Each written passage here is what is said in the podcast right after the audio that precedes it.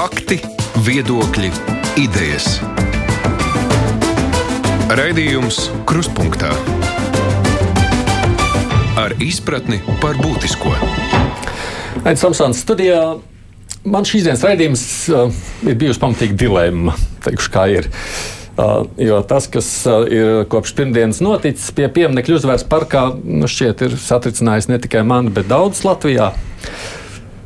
Es patiešām pagājušajā nedēļā biju noticējis tam, ka svinības pārdaugavā šogad vairs nebūs un ka karš savu ietekmi būs atstājis. Tāpēc tas, ko mēs esam vērojuši šeit nu jau vairāk nekā divu dienu garumā, es pat teikšu tā kā traumatiski ja šodien būtu ieplānota droši vien kāda cita diskusija, nu, mēs pilnīgi noteikti to tematu mainītu šodien pilnībā. Bet nu, mums bija sarunāt viesi par līgumiem ar Krieviju, kurus grasās apturēt, lai šo pieminiektu arī varētu nojaukt. Turklāt mums rīta stundu garu iztaujāšanu jau iepriekš ir aizināts arī valsts policijas priekšnieks. Tā kā nu it kā viss notiek, bet šajā stundā nerunāt par tikko vēsošiem notikumiem arī es tā kā nespēju. Tāpēc tā pamatīgi nomocījies ar visiem par un pret, es nolēmu darīt tā, ka sarunāties studijas viesi tepat vien ir. Uz pirmajām 20 minūtēm mums pievienojas arī no Saimnes iekšlietu komisijas vadītājs. Mēs sazināsim Rīgas mēru. Sniegsim vispirms tādu savu novērtējumu vakardienas notikumiem, mēģināsim saprast, nu, cik tad ir jēga runāt par nākotnes apņemšanām, ja mēs šodien tās nespējam īstenot. Nu, tad pievērsīsimies arī tālākajam, kam ar pieminekli, un ne tikai ar šo pieminekli tuvākajā laikā ir jānotiek. Es zinu, ka saimnes frakcijas kādas arī šodien tieks ar iekšlietu ministri. Mūsu raidlaiks, diemžēl, būs beidzies, bet es nešaubos, ka gan jau kolēģi tālāk mēdījos turpinās uzsākt to studijā. Šeit ir Jānis Dombra no Nacionālās apvienības. Viņš darbojas saimnes ārlietu komisijā. Labdien! O, labdien. Zanta Kalniņa Lukaševics ir no jaunās vienotības, un viņa ir ārlietu ministrijas parlamentārā sekretāra. Labdien! Labdien. Mēs šajās dienās esam dzirdējuši piesaucam gan satversmi, gan likumus, gan starptautiskās tiesības. Tāpēc ar mums Latvijas Universitātes juridiskās fakultātes, starptautisko un Eiropas tiesību zinātņu katedras lektors Mārcis Lēnieks. Labdien! Jums. Labdien! Nu, kā jūs teicāt, pirms tikšanās arī ar iekšlietu ministru mums ir pieslēdzies saimnes aizsardzības iekšlietu un korupcijas novēršanas komisijas priekšsēdētājs Juris Rancāns. Labdien, Rancāns kungs! Labdien! Likums un satversme nav ļāvis norobežot pieminekli, nedz aizliegt novietot tur ziedus. Es tagad citēju iekšlietu ministrs teikto. Un Rāncāna kungs. Es gribu saprast, kam tad mēs te noticējām par to svinību nenotikšanu. Kāds likums tad jūs tur saimā beigās pieņēmāt? Jūs varat izskaidrot. Tas, kas saimā ir konceptuāli pieņemts par šī te, nu, tāds lēmums, kurš vēl, protams, arī jāīsteno, tas ir lēmums par šī pieminekļa nojaukšanu. Bet eh, saistībā ar visu šo situāciju, protams, Marija ir diezgan ērti atsaukties, ka redz likumdevējs nav pieņēmis tādu likumu, kas aizliegtu šiem eh, konkrētiem cilvēkiem nest eh, ziedus pie šī konkrētā pieminekļa. Es gan gribu, gribētu vērst uzmanību, ka līdz šim vienmēr šis jautājums ir bijis uh, risināts tā, ka pašvaldība lemj dot vai nedot kaut kādas atļaujas, kas ir par pasākumiem. Pašvaldība arī lemj par norobežošanām, kas arī tika šajā gadījumā izdarīts. Bet tāda politiska konsensa un iniciatīvas no atsevišķām ministrijām vai no valsts drošības iestādēm, ka šajā gadā būtu jāpieņem tāds likums, ka, ka jāaizliedz uh, konkrēti ziedu individuāla nolikšana uh, kas nav arī visā Eiropā aizliegta, nu, tāds konsens eh, politiski nav bijis pieņemts līdz šim. Un acīm redzot, šeit lielā mērā loma ir nospēlējusi tas, tas, ko jūs teicāt pašā sākumā. Gan mediju, gan politiķu paļaušanās uz eh, daļas no sabiedrības nu, tādu godaprātu, ka šobrīd ir karš Ukrainā, un arī iepriekš raidītiem sabiedrības signāliem, ka šāda iešana pie konkrētā pieminekļa būtu uh, nepieņemama un amorāla. Bet ir, šobrīd ir skaidrs, ka šī paļaušanās, kas patiesībā šobrīd absolūti ierakstās nu, tādā Eiropas šajā iekļaujošas un tolerantas sabiedrības konceptā, ir bijusi, acīm redzot, diezgan nepamatota un gana naiva. Nu, nezinu, par to paļaušanos, Dabrovskungs. Man šķiet, ka tā nebija tikai paļaušanās. Tur nāca arī signāli no saimnes, mēs lēmām par to, ka nu, tur nebūs svinības 9. maijā. Ko, mē, ko kurš nesaprata? Es personīgi tādu nu, nesaprotu. Vairs. Jā, nu, kaut kādā ziņā tāda īpatnēja situācija uh, veidojās gan pēc 24. februāra, gan pēc 9. un 10. maija. ka nu, tās lietas, par kurām mēs daudz tikām kritizēti, par radikālismu, ko jūs tur Putins ir vainīgs, nu, mēs redzam, ka šobrīd mūsu vidū ir pietiekami daudz nu, cilvēku, varētu uzskatīt par klāji naidīgi noskaņotiem pret Latvijas valsti.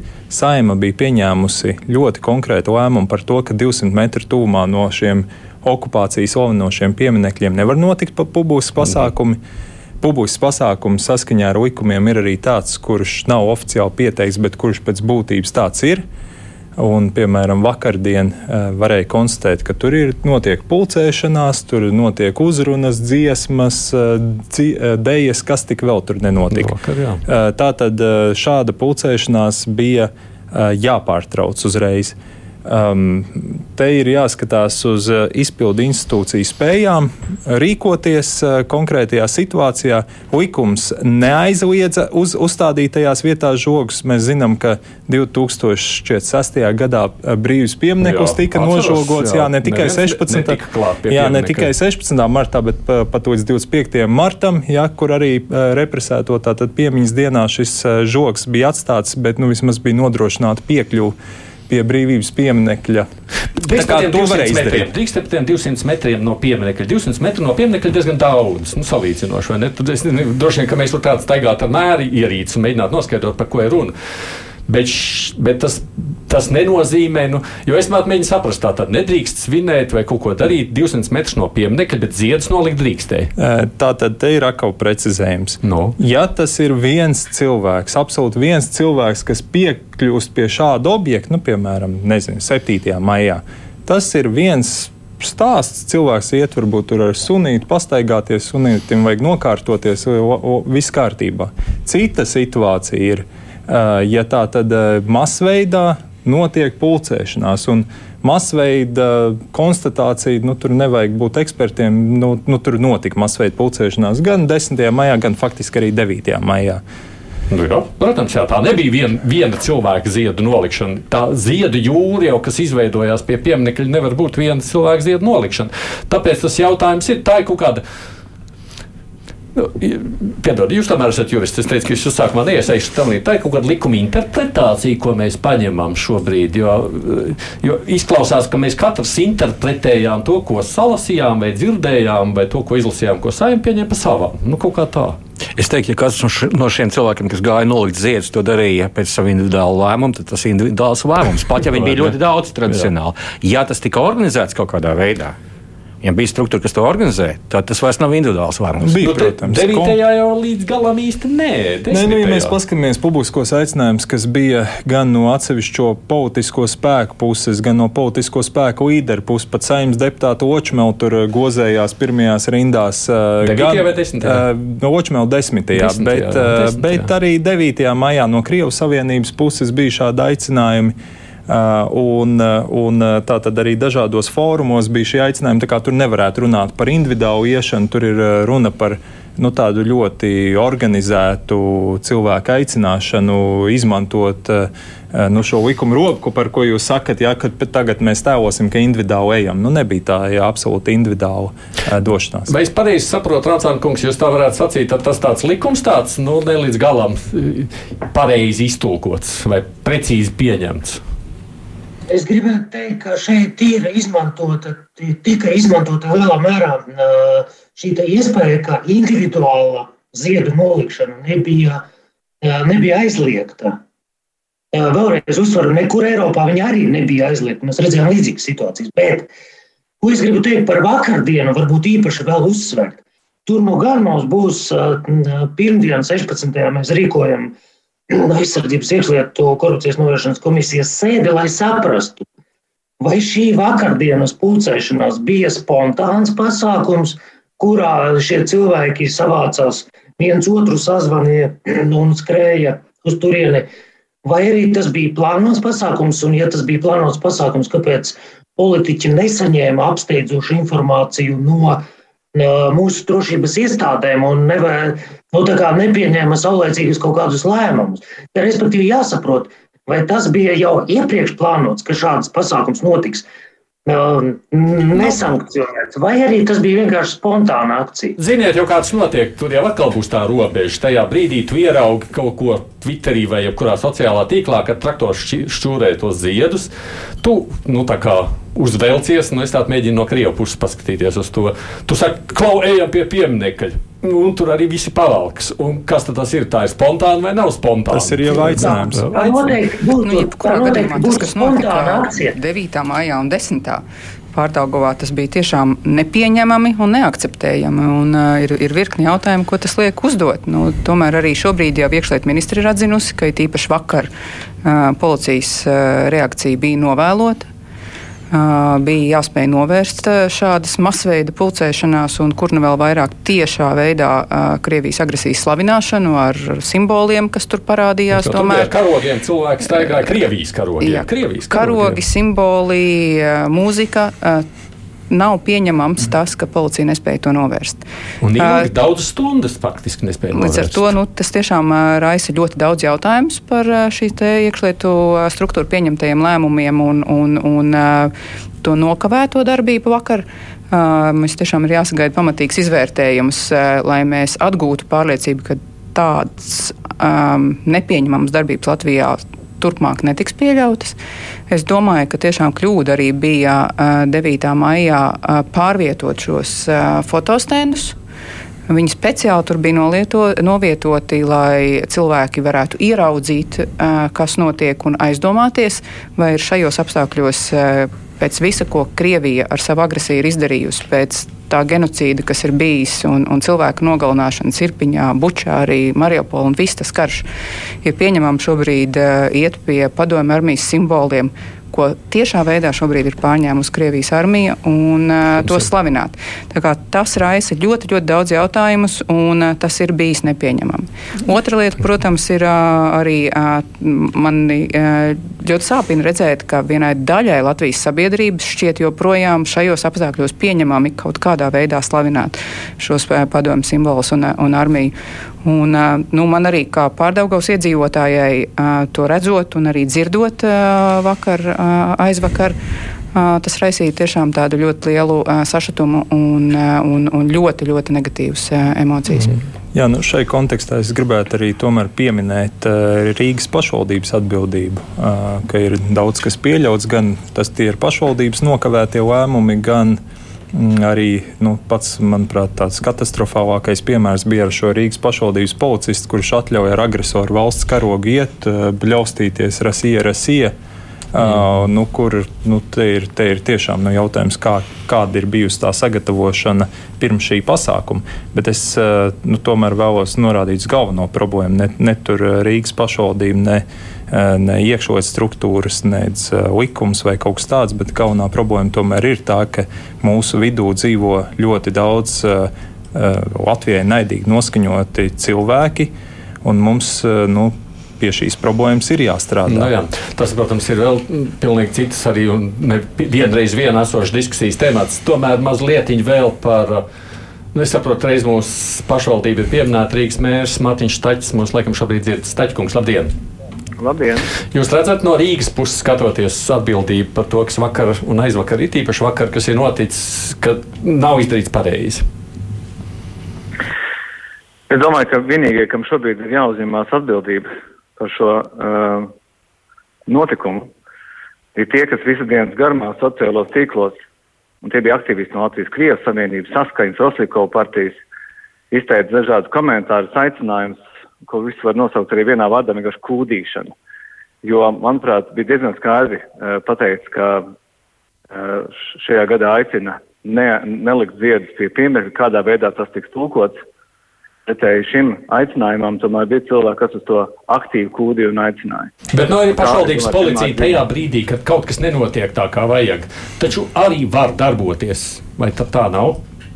Pašvaldības policija, tāpat kā pārējie Rīgas domas dienas, darbojās pēc valsts policijas izstrādāta plāna. Un, attiecīgi, nevi, tas būtu diezgan jocīgi, ja būtu uh, divas uh, policijas un katra darbotos pilnīgi pēc sava principa.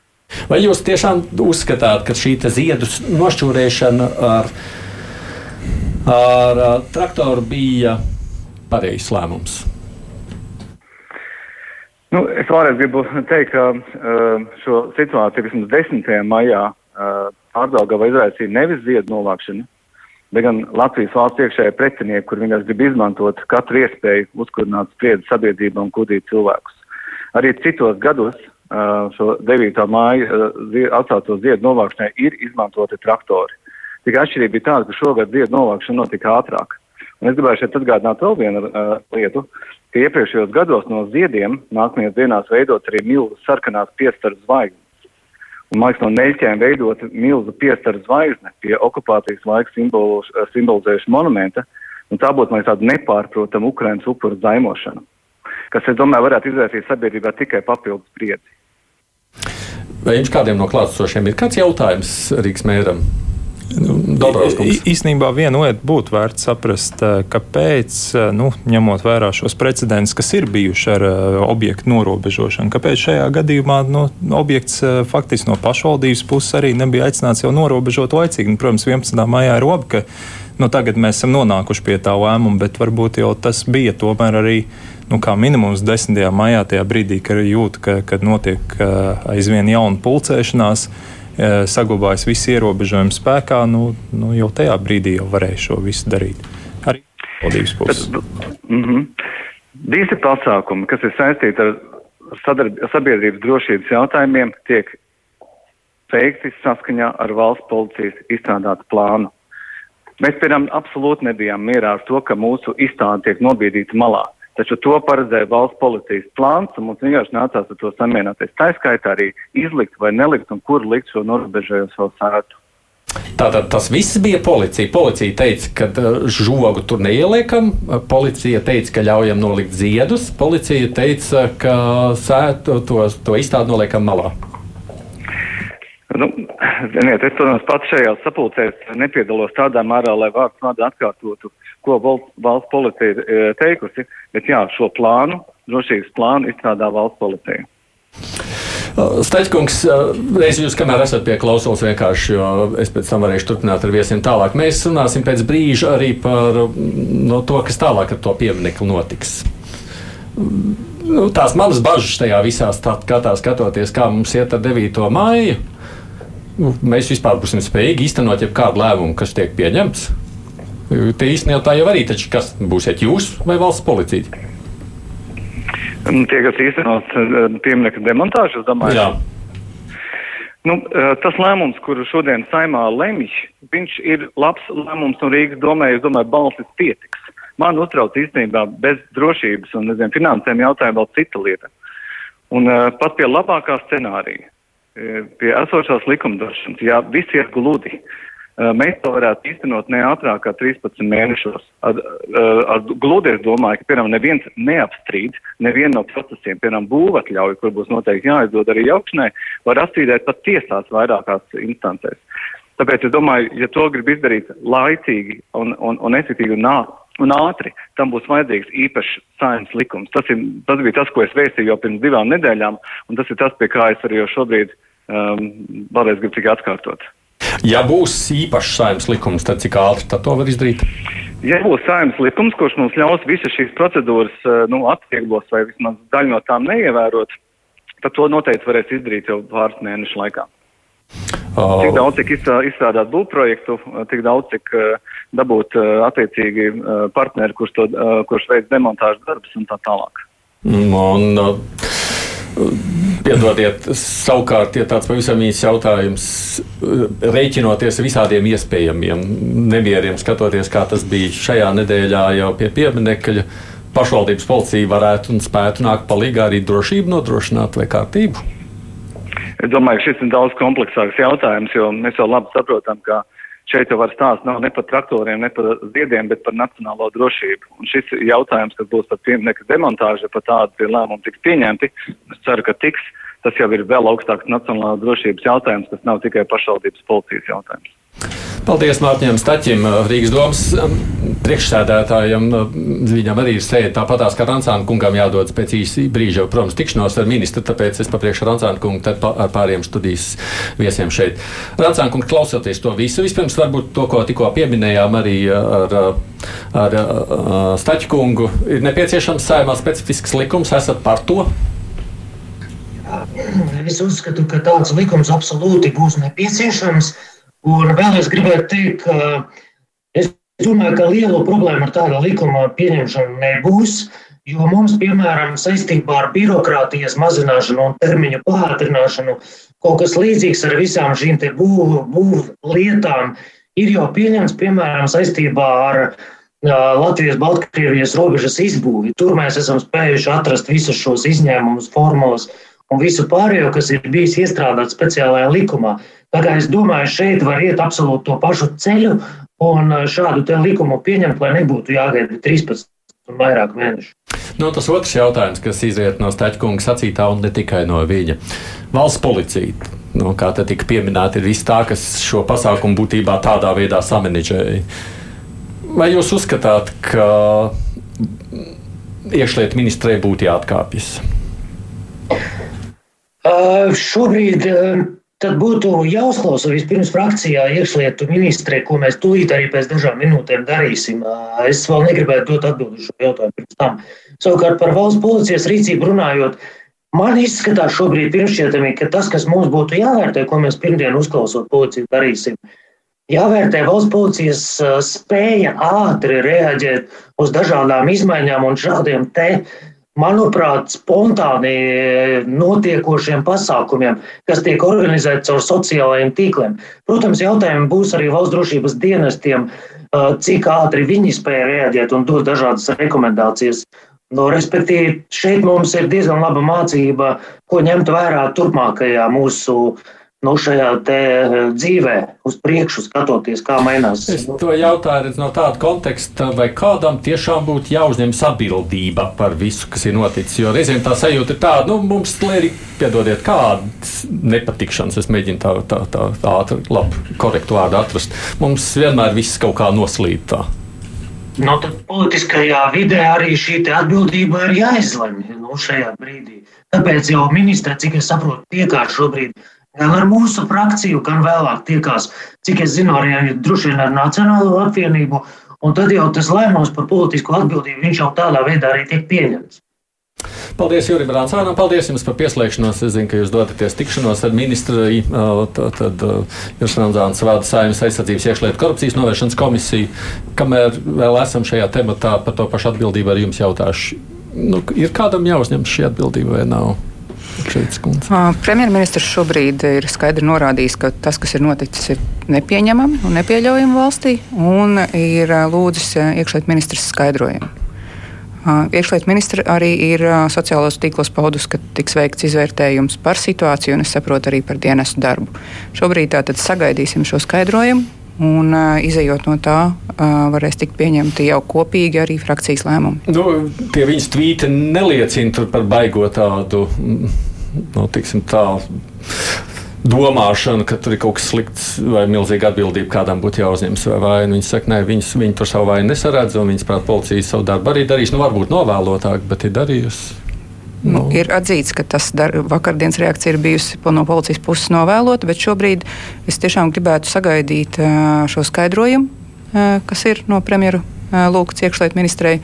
Un tad jau izējot no tā, var pieņemt lēmumus un veidot pozīcijas. Nebūtu pareizi šobrīd, lai kā gribētos, Uh, uz emocijām un uz Twitter uh, balstīt uh, ļoti nopietnus lēmumus. Es ļoti gribētos, jā, un tas jā, būtu daudz vieglāk. Jā. Es neprasu, va, kuram, bet man interesē, vai vispār kāds, jūs, nu, kāds uzņemsies beig beigās. Atbildība par visiem šiem lēmumiem. Ja, nu es ceru, ka kāds uzņemsies, vai tas ir augstākā vai zemākā līmenī, bet ka, nu, tā, tas, kas tur notika, nav pieļaujams. Tas ir skaidrāks par skaidru. Tāpat arī uh, ja mēs runājam par šiem plāniem, tad vienmēr var mm, uzdot jautājumu, nu, kāpēc, eh, zinot visus šos apstākļus, eh, piemēram, netika piesaistīta zemesardze, kur ļoti aktīvi tika piesaistīta eh, Covid ierobežojumu kontrolē.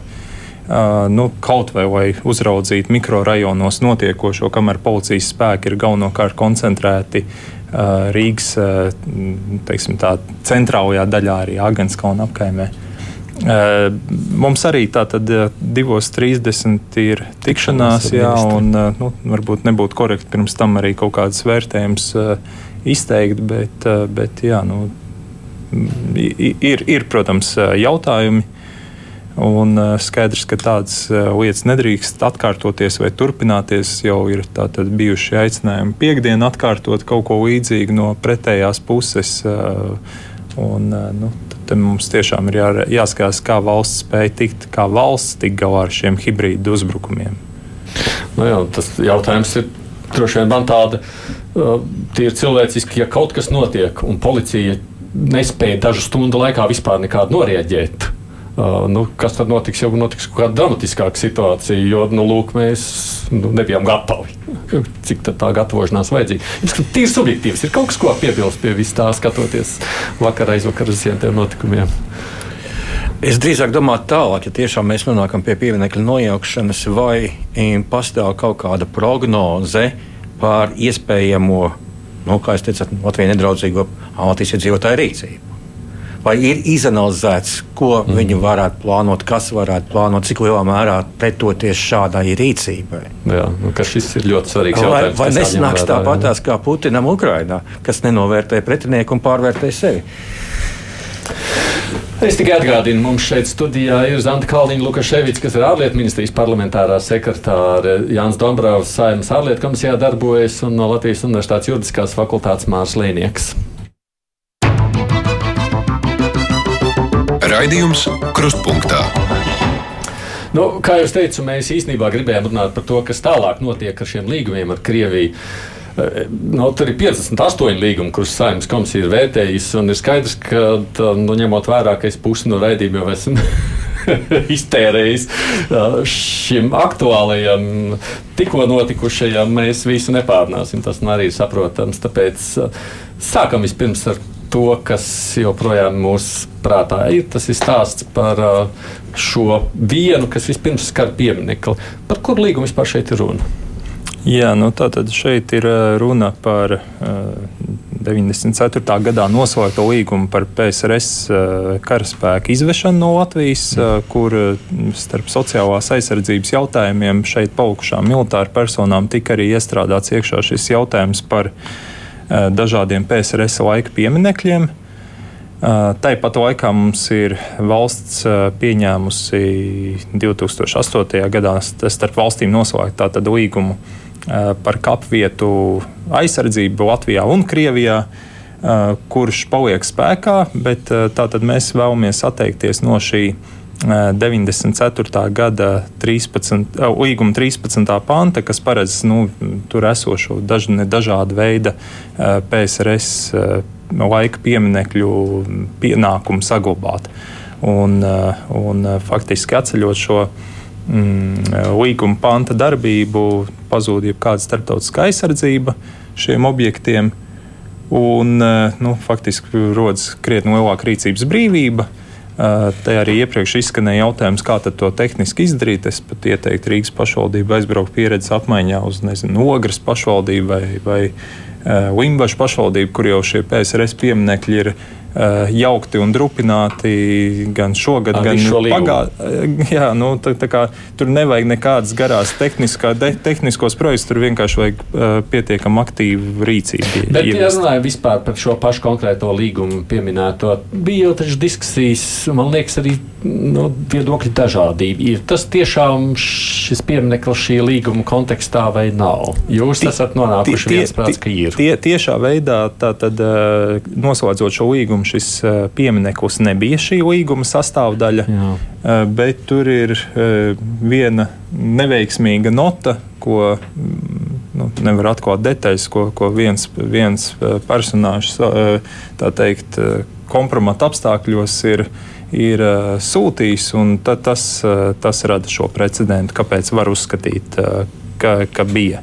Mm. Bet, nu, tas ir tāds diskutējums jautājums, bet šobrīd ir skaidrs, ka jāatceļ šo 13. pantu. Nu, faktiski pazūd jebkāda starptautiskā aizsardzība, jo uh, zem šī pieminekļa nav kapa vietas, uh, ko sargā 2008. gadā tātad, uh, noslēgtais līgums. Jūs tur neko nevarat papildināt šajā? Sakarā? Neapšaubāmi šajā 94. gada armijas izvešanas līguma pakotnē esošā līguma 13. pants līdz šim tiešām apņēmās atbilstoši starptautiskai praksei aizsargāt memoriālās vietas un notu apmaiņā Tā tad bija fiksēts, ka šīs saistības no Latvijas puses attiecas arī uz šo pieminiektu pārdaugā. Mhm. Tas, kas ir šobrīd izdarīts, un tieši vēl šorīt ārlietu komisijā atbalstīja likumprojektu un lūgs to jau rīt, gan pirmā, gan otrā galējā lasījumā apstiprināt, nosakot, ka tiek apturēta šī 13. panta darbība tas tātad noņems pēdējos juridiskos šķēršļus vai kavēkļus pieminiekļa demontāžai. Ir jāsaka, ka šāda iespēja šobrīd atteikties no šīs 13. panta sākotnēji uzliktā pienākuma ir ņemot vērā tieši Krievijas veikto agresiju pret Ukrainu un iebrukumu Ukrainā 24. februārī šis agresijas akts un, un valsts agresija pret citu agresiju arī skaidri definē ANO dokumenti, ir tas, uh, kas dod iespēju uh, Latvijai atbilstoši ANO uh, arī uh, pantiem uh, piemērot pretpasākumus pret agresoru valsti. Mm. Un, attiecīgi, Latvijas pretpasākumi pret agresoru valsti, lai tātad ņemot vērā tās pretiesisko rīcību, ir lēmums par šī panta apturēšanu. Vienlaikus arī ņemot vērā to, ka šobrīd Krievija sevi tieši asociē ar padomu simboliem, ar padomu armiju, paši Krievijas augstākās amatpersonas to savā retorikā izmanto, tad ir redzams skaidrs sasaistē starp šobrīd agresoru valsti un tiem simboliem, kas ir šai pieminekli. Tie ir nepieņemami, un uh, tie skaidri šobrīd simbolizē vairs nevis uh, padomju karavīrus, kas gāja bojā cīnoties pret nacismu, bet tie šobrīd simbolizē tieši Krievijas agresiju Ukrainā. Tādēļ arī Latvijai vairs nav atbilstoši starptautiskai praksē nekāda pienākuma uzturēt šādu vietu. Jā. Jā, te ir ļoti svarīgi vēl atzīmēt, ka 91. gadā Krievijas federācija pieņēma lēmumu, ka viņa kļūst par Padomju Savienības tiesību un saistību mantinieci. Faktiski, ka viņa būs uh, Padomju Savienības turpinātāja. Uh, tāds bija šis lēmums 91. gadā pieņemts. Ja šobrīd mēs esam konstatējuši, ka Krievija ir agresora valsts, tad nu, tas arī attiecās uz šo Uh, nu, cita veida simboliem, kas, kas, kas bija zem, zem Krievijas vārda radīti, uh, izmantot un uzturēt līdz šim brīdim. Tas toreiz tika darīts uh, daudzu iemeslu dēļ, tā skaitā, lai viņi varētu savākt kodola arsenālu no visas, visas austruma Eiropas pie sevīm un dažādas naudas līdzekļus un tam līdzīgi, bet tas arī attiecās uz šādiem pieminekļiem, padomu karavīriem un tam līdzīgi. Tam līdzīgi. Mm. Jūs kā tāds cilvēks, kurš esat eksperts un labi zināt šīs starptautiskās tiesības, tas pamatojums un tas, ko šobrīd dara gan ārlietu ministrija, gan saimnes ārlietu komisija, ir korekts? Atkarībā no tā, ko viņi vēlas panākt. Nu. Kā jūs to domājat? Tātad ieviest pretpasākums pret agresoru valsti, protams, starptautiskās tiesības atļauj, jo mēs redzam, ka visapkārt visu to dara Eiropas Savienība, ASV, Lielbritānija pārtrauc savu līguma saistību izpildi, aptur un Tas ir faktiski tāds pretpasākums, ir, ka kāda valsts ar mērķi piespiest pārkāpēju valsti pārtraukt savu pārkāpumu, Jā. savukārt aptur savu saistību izpildi pret šo pārkāpēju valsti. Tas mm -hmm. ir mhm. pretpasākums, jeb mēs parasti to lielākoties saucam par sankcijām.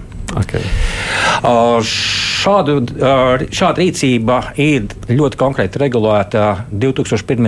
gada ANO starptautiskās tiesību komisijas pantos par valsts atbildību par starptautisku pretiesisku rīcību. Tas nav formāls starptautisks līgums, bet tas ir ļoti autoritīvs paražu tiesību, ļoti autoritīva paražu tiesību kodifikācija. Uh, ko nosaka uh, šis regulējums? Tātad pantos par valsts atbildību 49. pāns pretpasākumu, mērķis un robežas, trešā daļa - pretpasākumu pēc iespējas jāveic tā, lai nodrošinātu minēto saistību īstenošanas atjaunošanu. Tas ir tādā brīdī, kad pārkāpēja valsts šāda spiediena rezultātā pārtrauc savu pārkāpumu izdarīšanu. Pieņemsim, pārtrauc karu, izved kara spēku. Pretpasākumu ieviesējiem, cietusī valsts vai trešās valsts, kā šī gadījumā Latvija, ir jābūt ā, spējīgiem atjaunot ā, tāda saistība izpildīt tādā pašā apmērā kā pirms tam. -hmm. Tas nozīmē, ja mēs lietojam terminoloģiju pretpasākums, ja mēs lietojam saskaņā ar pretpasākumu tādu rīcību kā saistību apturēšanu, konkrēti saprotu, iet runa par 94. gada šī līguma par militāro pensionāru aizsardzību 13. panta apturēšanu tad tas nekādā gadījumā nedod tiesības nojaukt brīvības pieminiektu. Uzvaru pieminiektu. Okupācijas, kādu katrs viņu sauc. Okupācijas pieminiektu, mans pēc. Uh, ko tas dod tiesības? Tas dod tiesības, nu, pieņemsim, ja tur ir pienākums saglabāt un uzturēt, uh, maksimums, ko var darīt, neuzturēt, neslaucīt ielu apkārt šim piemineklim. Jo, ja mēs gribam tikt vaļā no saistībām, tad mēs nevaram iziet cauri šo regulējumu, kas ir par valsts atbildības regulējumu.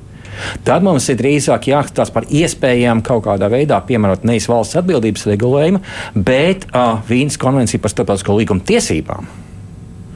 Kur arī tas būtu ļoti aiz ausīm pievilkts kaut kāds mēģinājums, bet vismaz tas, ja to nesauc par pretpasākumu, bet kaut kādā veidā citādi saskaņā Vīnas konvencija par starptautiskajām līguma tiesībām, tad vismaz tas būtu arguments, kāpēc mēs drīkstam nojaukt to pieminekli. Kādas tiesības tu nosaki, tas Vīnas konvencijas?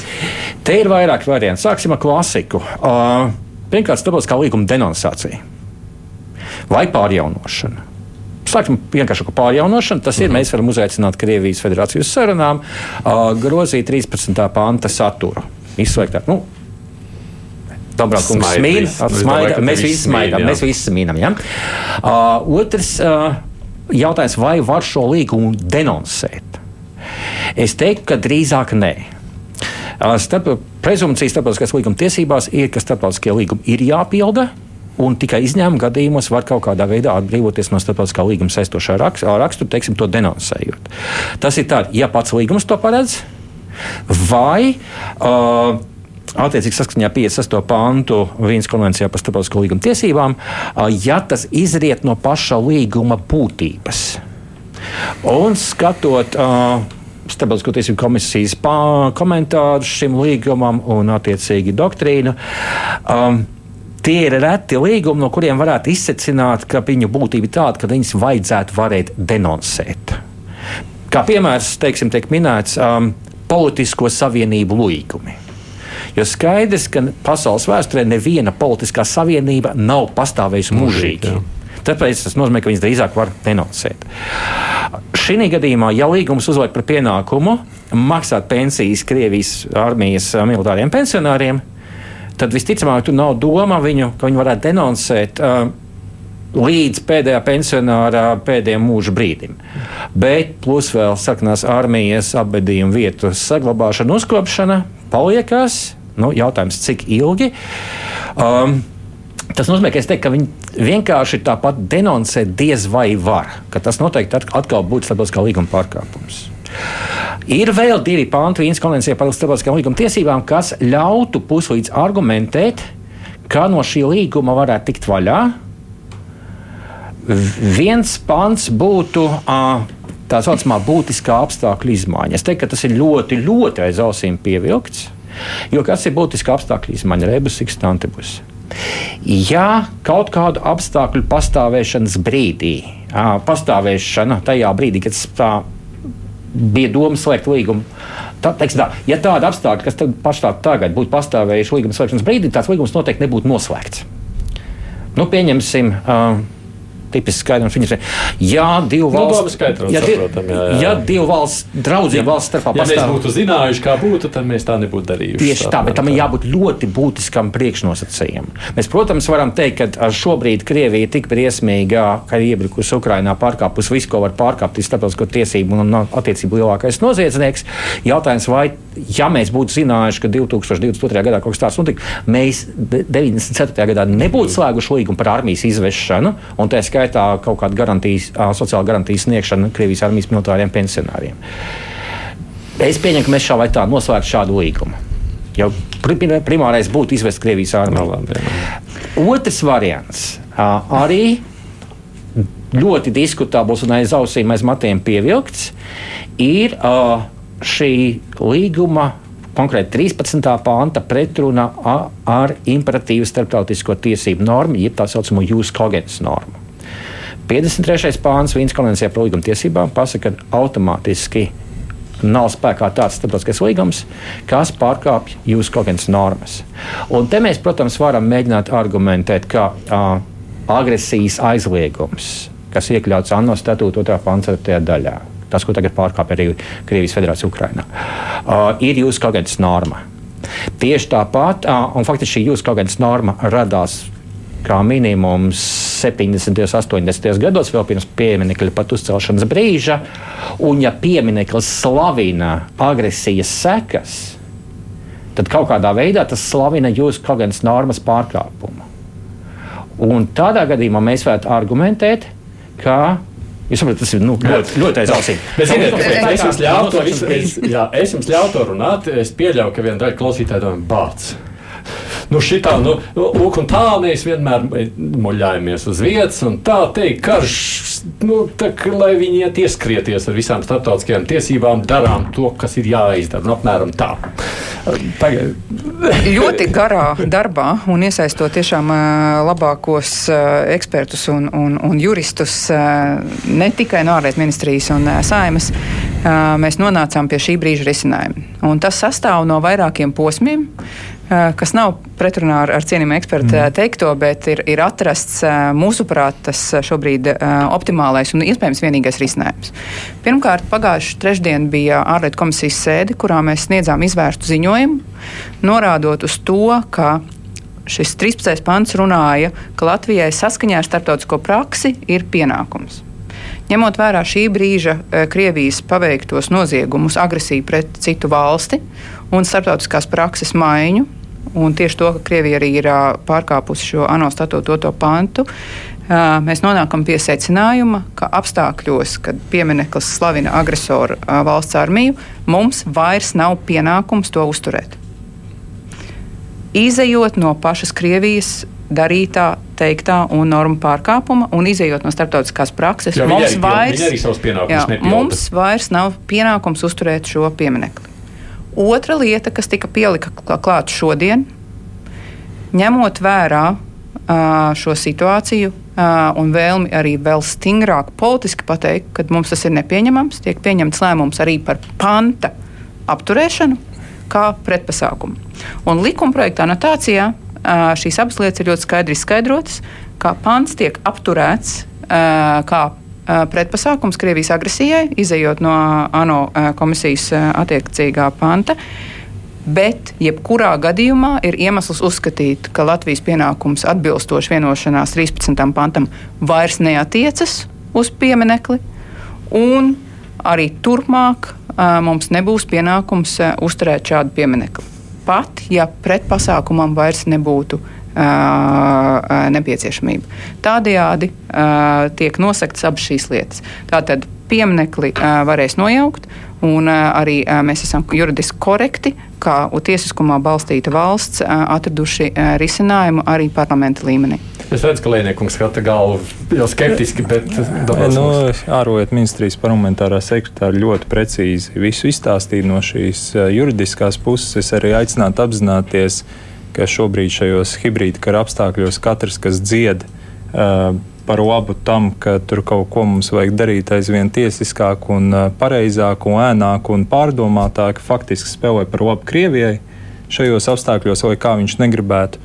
Un, uh, un te ir arī svarīgi uzsvērt, ka mums šobrīd mēs redzam absolūts pretruns ar mūsu satversmi, ko mēs varam novērot pilsētvidē ja mums atversmē ir pateikts skaidri un gaiši, ka mēs nosodām totalitāro režīmu noziegumus, uh, tad nu, kā mēs varam izskaidrot, ka mums pilsētā vidē ir gan uh, totalitāro režīmu karavīri, kuri uh, tātad tiek slavēti, kā mēs varam izskaidrot, ka uh, ir dažādi uzraksti uh, uz šiem uh, objektiem, Eh, kas liecina par to, ka, ka faktiski Latvija tiek atbrīvota 44. vai 45. gadā, nu kā, nu, kurā Latvijas pašvaldībā tie uzraksti ir uh, absolūti melīga informācija, kura nonāk pretrunā ar Latvijas atversmi.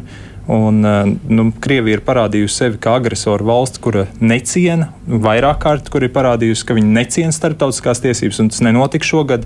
Tas jau notika labu laiku iepriekš. Uh, Tikai visa Eiropa visu laiku centās pievērt acis par labu gāzei un naftai. nu, tad šobrīd ir tas brīdis, kad tomēr atsvers mēs nevaram pievērt.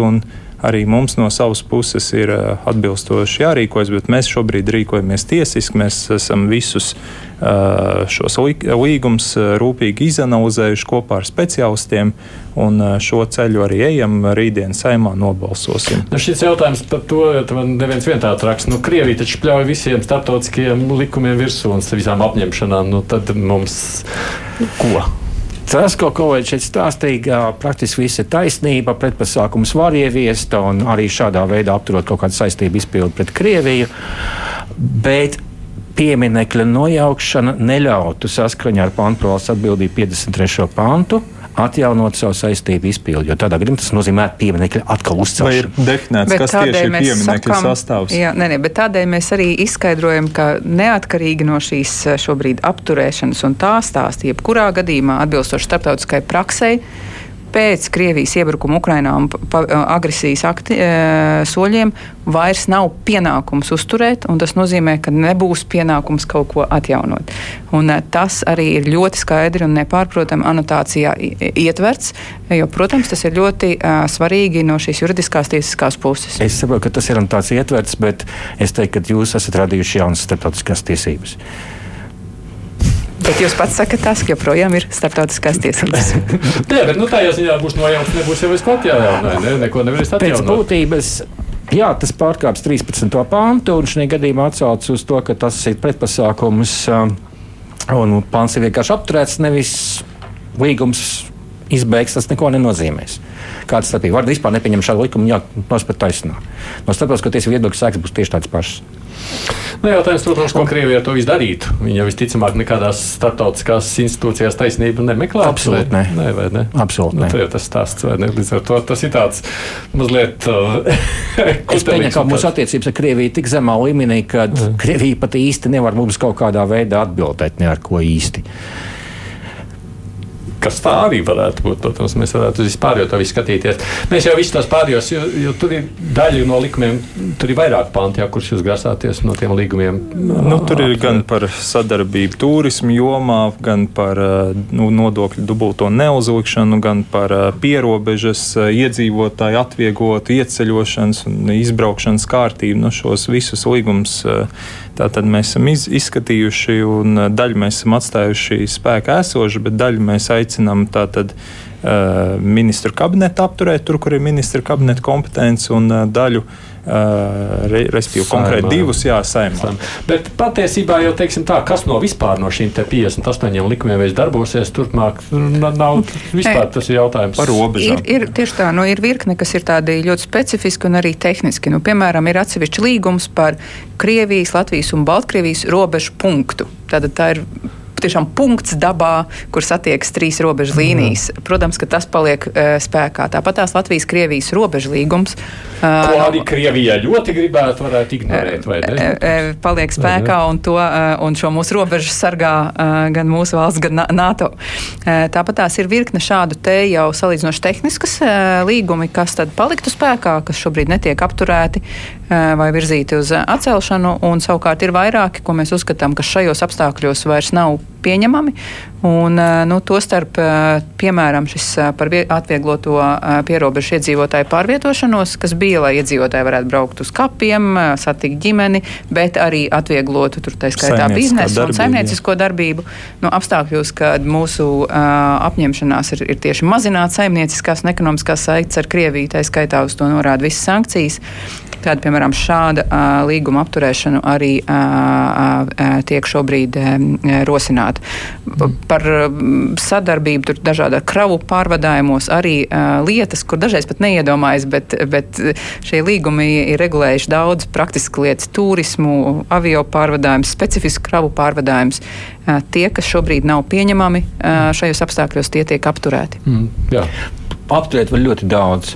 Tātad ir ierobežojums, ko nevar apturēt. Nevar apturēt kaut ko tādu, kas skar cilvēktiesības, humanitāra rakstura pienā, pienākums, diplomātiskās un konsulārās tiesības, diplomāta imunitātes. Mm -hmm. Pieņemsim no mūsu diskutētā līguma.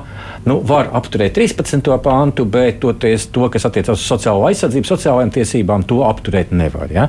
Visu, ko es minēju, tur turisms tā tālāk, jā, var apturēt, bet to var arī atjaunot izpildi. Tur, tur gan ir specifiski. Mēs ārlietu komisijā arī skatījāmies, vai vispār otra līguma slēdzēja puse pildīja savas saistības par sociālo aizsardzību pret savus uh, valsts piedarīgiem. Un, ja nepilda, tad viņi ir paši atteikušies no savu līguma saistības izpildes. Tas jautājums, ko Krievija no tās savas puses pildīs, tas arī ir tikpat aktuāls jautājums, ne visā tā sadaļā. Bet, uh, atgriežoties no visas šīs te teorētiskās un juridiskās, es pieļauju, mēs tur varētu garāk un plašāk par to runāt, bet nu, laiks arī beidzas. Šogad piemineklis tiks nojaukts? Nu, nenoliedzami, protams. Nu, es citas variants neredzu. Tur, tur jau sen, protams, viņu vajadzēja nojaukt, bet nu, šis ir brīdis, kad nav, nav vērts kaut ko vairāk gaidīt. Es arī gribētu uzsvērt nevis tikai šis piemineklis. Tie, tie projekti savukārt nu, tā, tās Tas, kas attiecas uz valdības kompetenci, nu, tos savukārt valdībai būs jāizskata. Ja, tā, tā līguma daļa, kurš var apturēt tikai ministrs kabinets jau pats. Jā, ir uh, divi līgumi. Tātad šis uh, par pieminiektu un otrs par dubulto nodokļu neaplikšanu, uh, kas ir apturami uh, ar saimnes likumu. Uh, mm. Tas tiks izdarīts uh, un ir plānots pieņemt uh, rīt. rīt. Tam ir abos lasījumos, jā, uzreiz vienā dienā. Tam ir pārliecinošs saimnes vairākums. Un tad ir cik šie tehniskie līgumi, kas tad ir apturami ministra kabinetā kabineta līmenī, kur es arī sagaidu, ka attiecīgās nozara ministrijas ļoti operatīvi sagatavos attiecīgos lēmumus. Par pieminekli pēc rītdienas ir paredzēts, ka likums stājas spēkā nākamajā dienā. Tātad būtībā šodienas no. redakcijā ir nākamā diena, jā, kas nozīmē, ka būtībā tātad pēc rītdienas var, var atbildīgās no institūcijas jā. Rīgas domē uzlocīt piedurknes un tā tad jau uz strādāt uz šo pieminiektu demontāžu. No, bija runa par to, ka specifiski likumi gribētu, lai tas varētu notikt ātrāk. Cik jūs prāt, tas ir ātri izdarāms? Šodien ir bijusi izglītības komisijas sēde, kurā par cik teiksim, izglītības kultūras zinātnes komisija ir atbildīga par, par teiksim, pieminekļiem plašāk valstī. Tādēļ tas ir skatīts tajā komisijā, kur kolēģi informēja, ka ir šodien jau konceptuāli vienojušies izstrādāt šādu likumprojektu ir paredzēts nākamās otrdienas sēdē jau pieņemt konkrētus lēmumus. Mm. Un, acīm redzot, tad strauji izstrādāt šo jau nākamā līmeņa likumu par to, lai šī demontāža būtu iespējams ātra, bez kādiem kavēkļiem, un lai tiešām būtu pienākums to izdarīt. Bet šobrīd, tātad no starptautisko tiesību viedokļa, pēc rītdienas jau visi šķēršļi būs noņemti, un tad būs ļoti svarīgi tiešām beidzot to izdarīt. Ir daudz par to runāts. Tagad būs atbildīgajiem tas jāpaveic. Ārlietu ministrijas parlamentārā sekretāra Zanta Kalniņa Lukaševits no Latvijas Universitātes juridiskās fakultātes starptautisko Eiropas tiesību zinātņu katedras lektors Mārs Lēnieks un Jānis Dombrava saimnes ārlietu komisijā darbojas no Nacionālās apvienības. Paldies jums par atnākšanu. Nu, centāmies tā ātri izskriet visam, ko nu paspējām izrunāt. Gan jau man kolēģi, kā es teicu, turpinās. Mēs tiekamies arī vēl pēc uh, raidījumā divas puslodes pēc stundas Latvijas raidījā viens ētrā runāsim gan par Ukrainu, arī par 9. māju, bet par Krieviju un par to, kas tur tālāk Krievijā notiek, uh, mazliet arī kā šie notikumi ietekmē Eiropas Savienību. Savukārt rīt, kā es teicu, kruspunktā ir amatpersonu stunda Armāns Ruks, tātad valsts policijas priekšnieks. Viņam būs daudz ko jautāt. Producente Vjunām studijā bija Aits Tomsons. Fakti, viedokļi, idejas. Raidījums Krustpunktā ar izpratni par būtisko.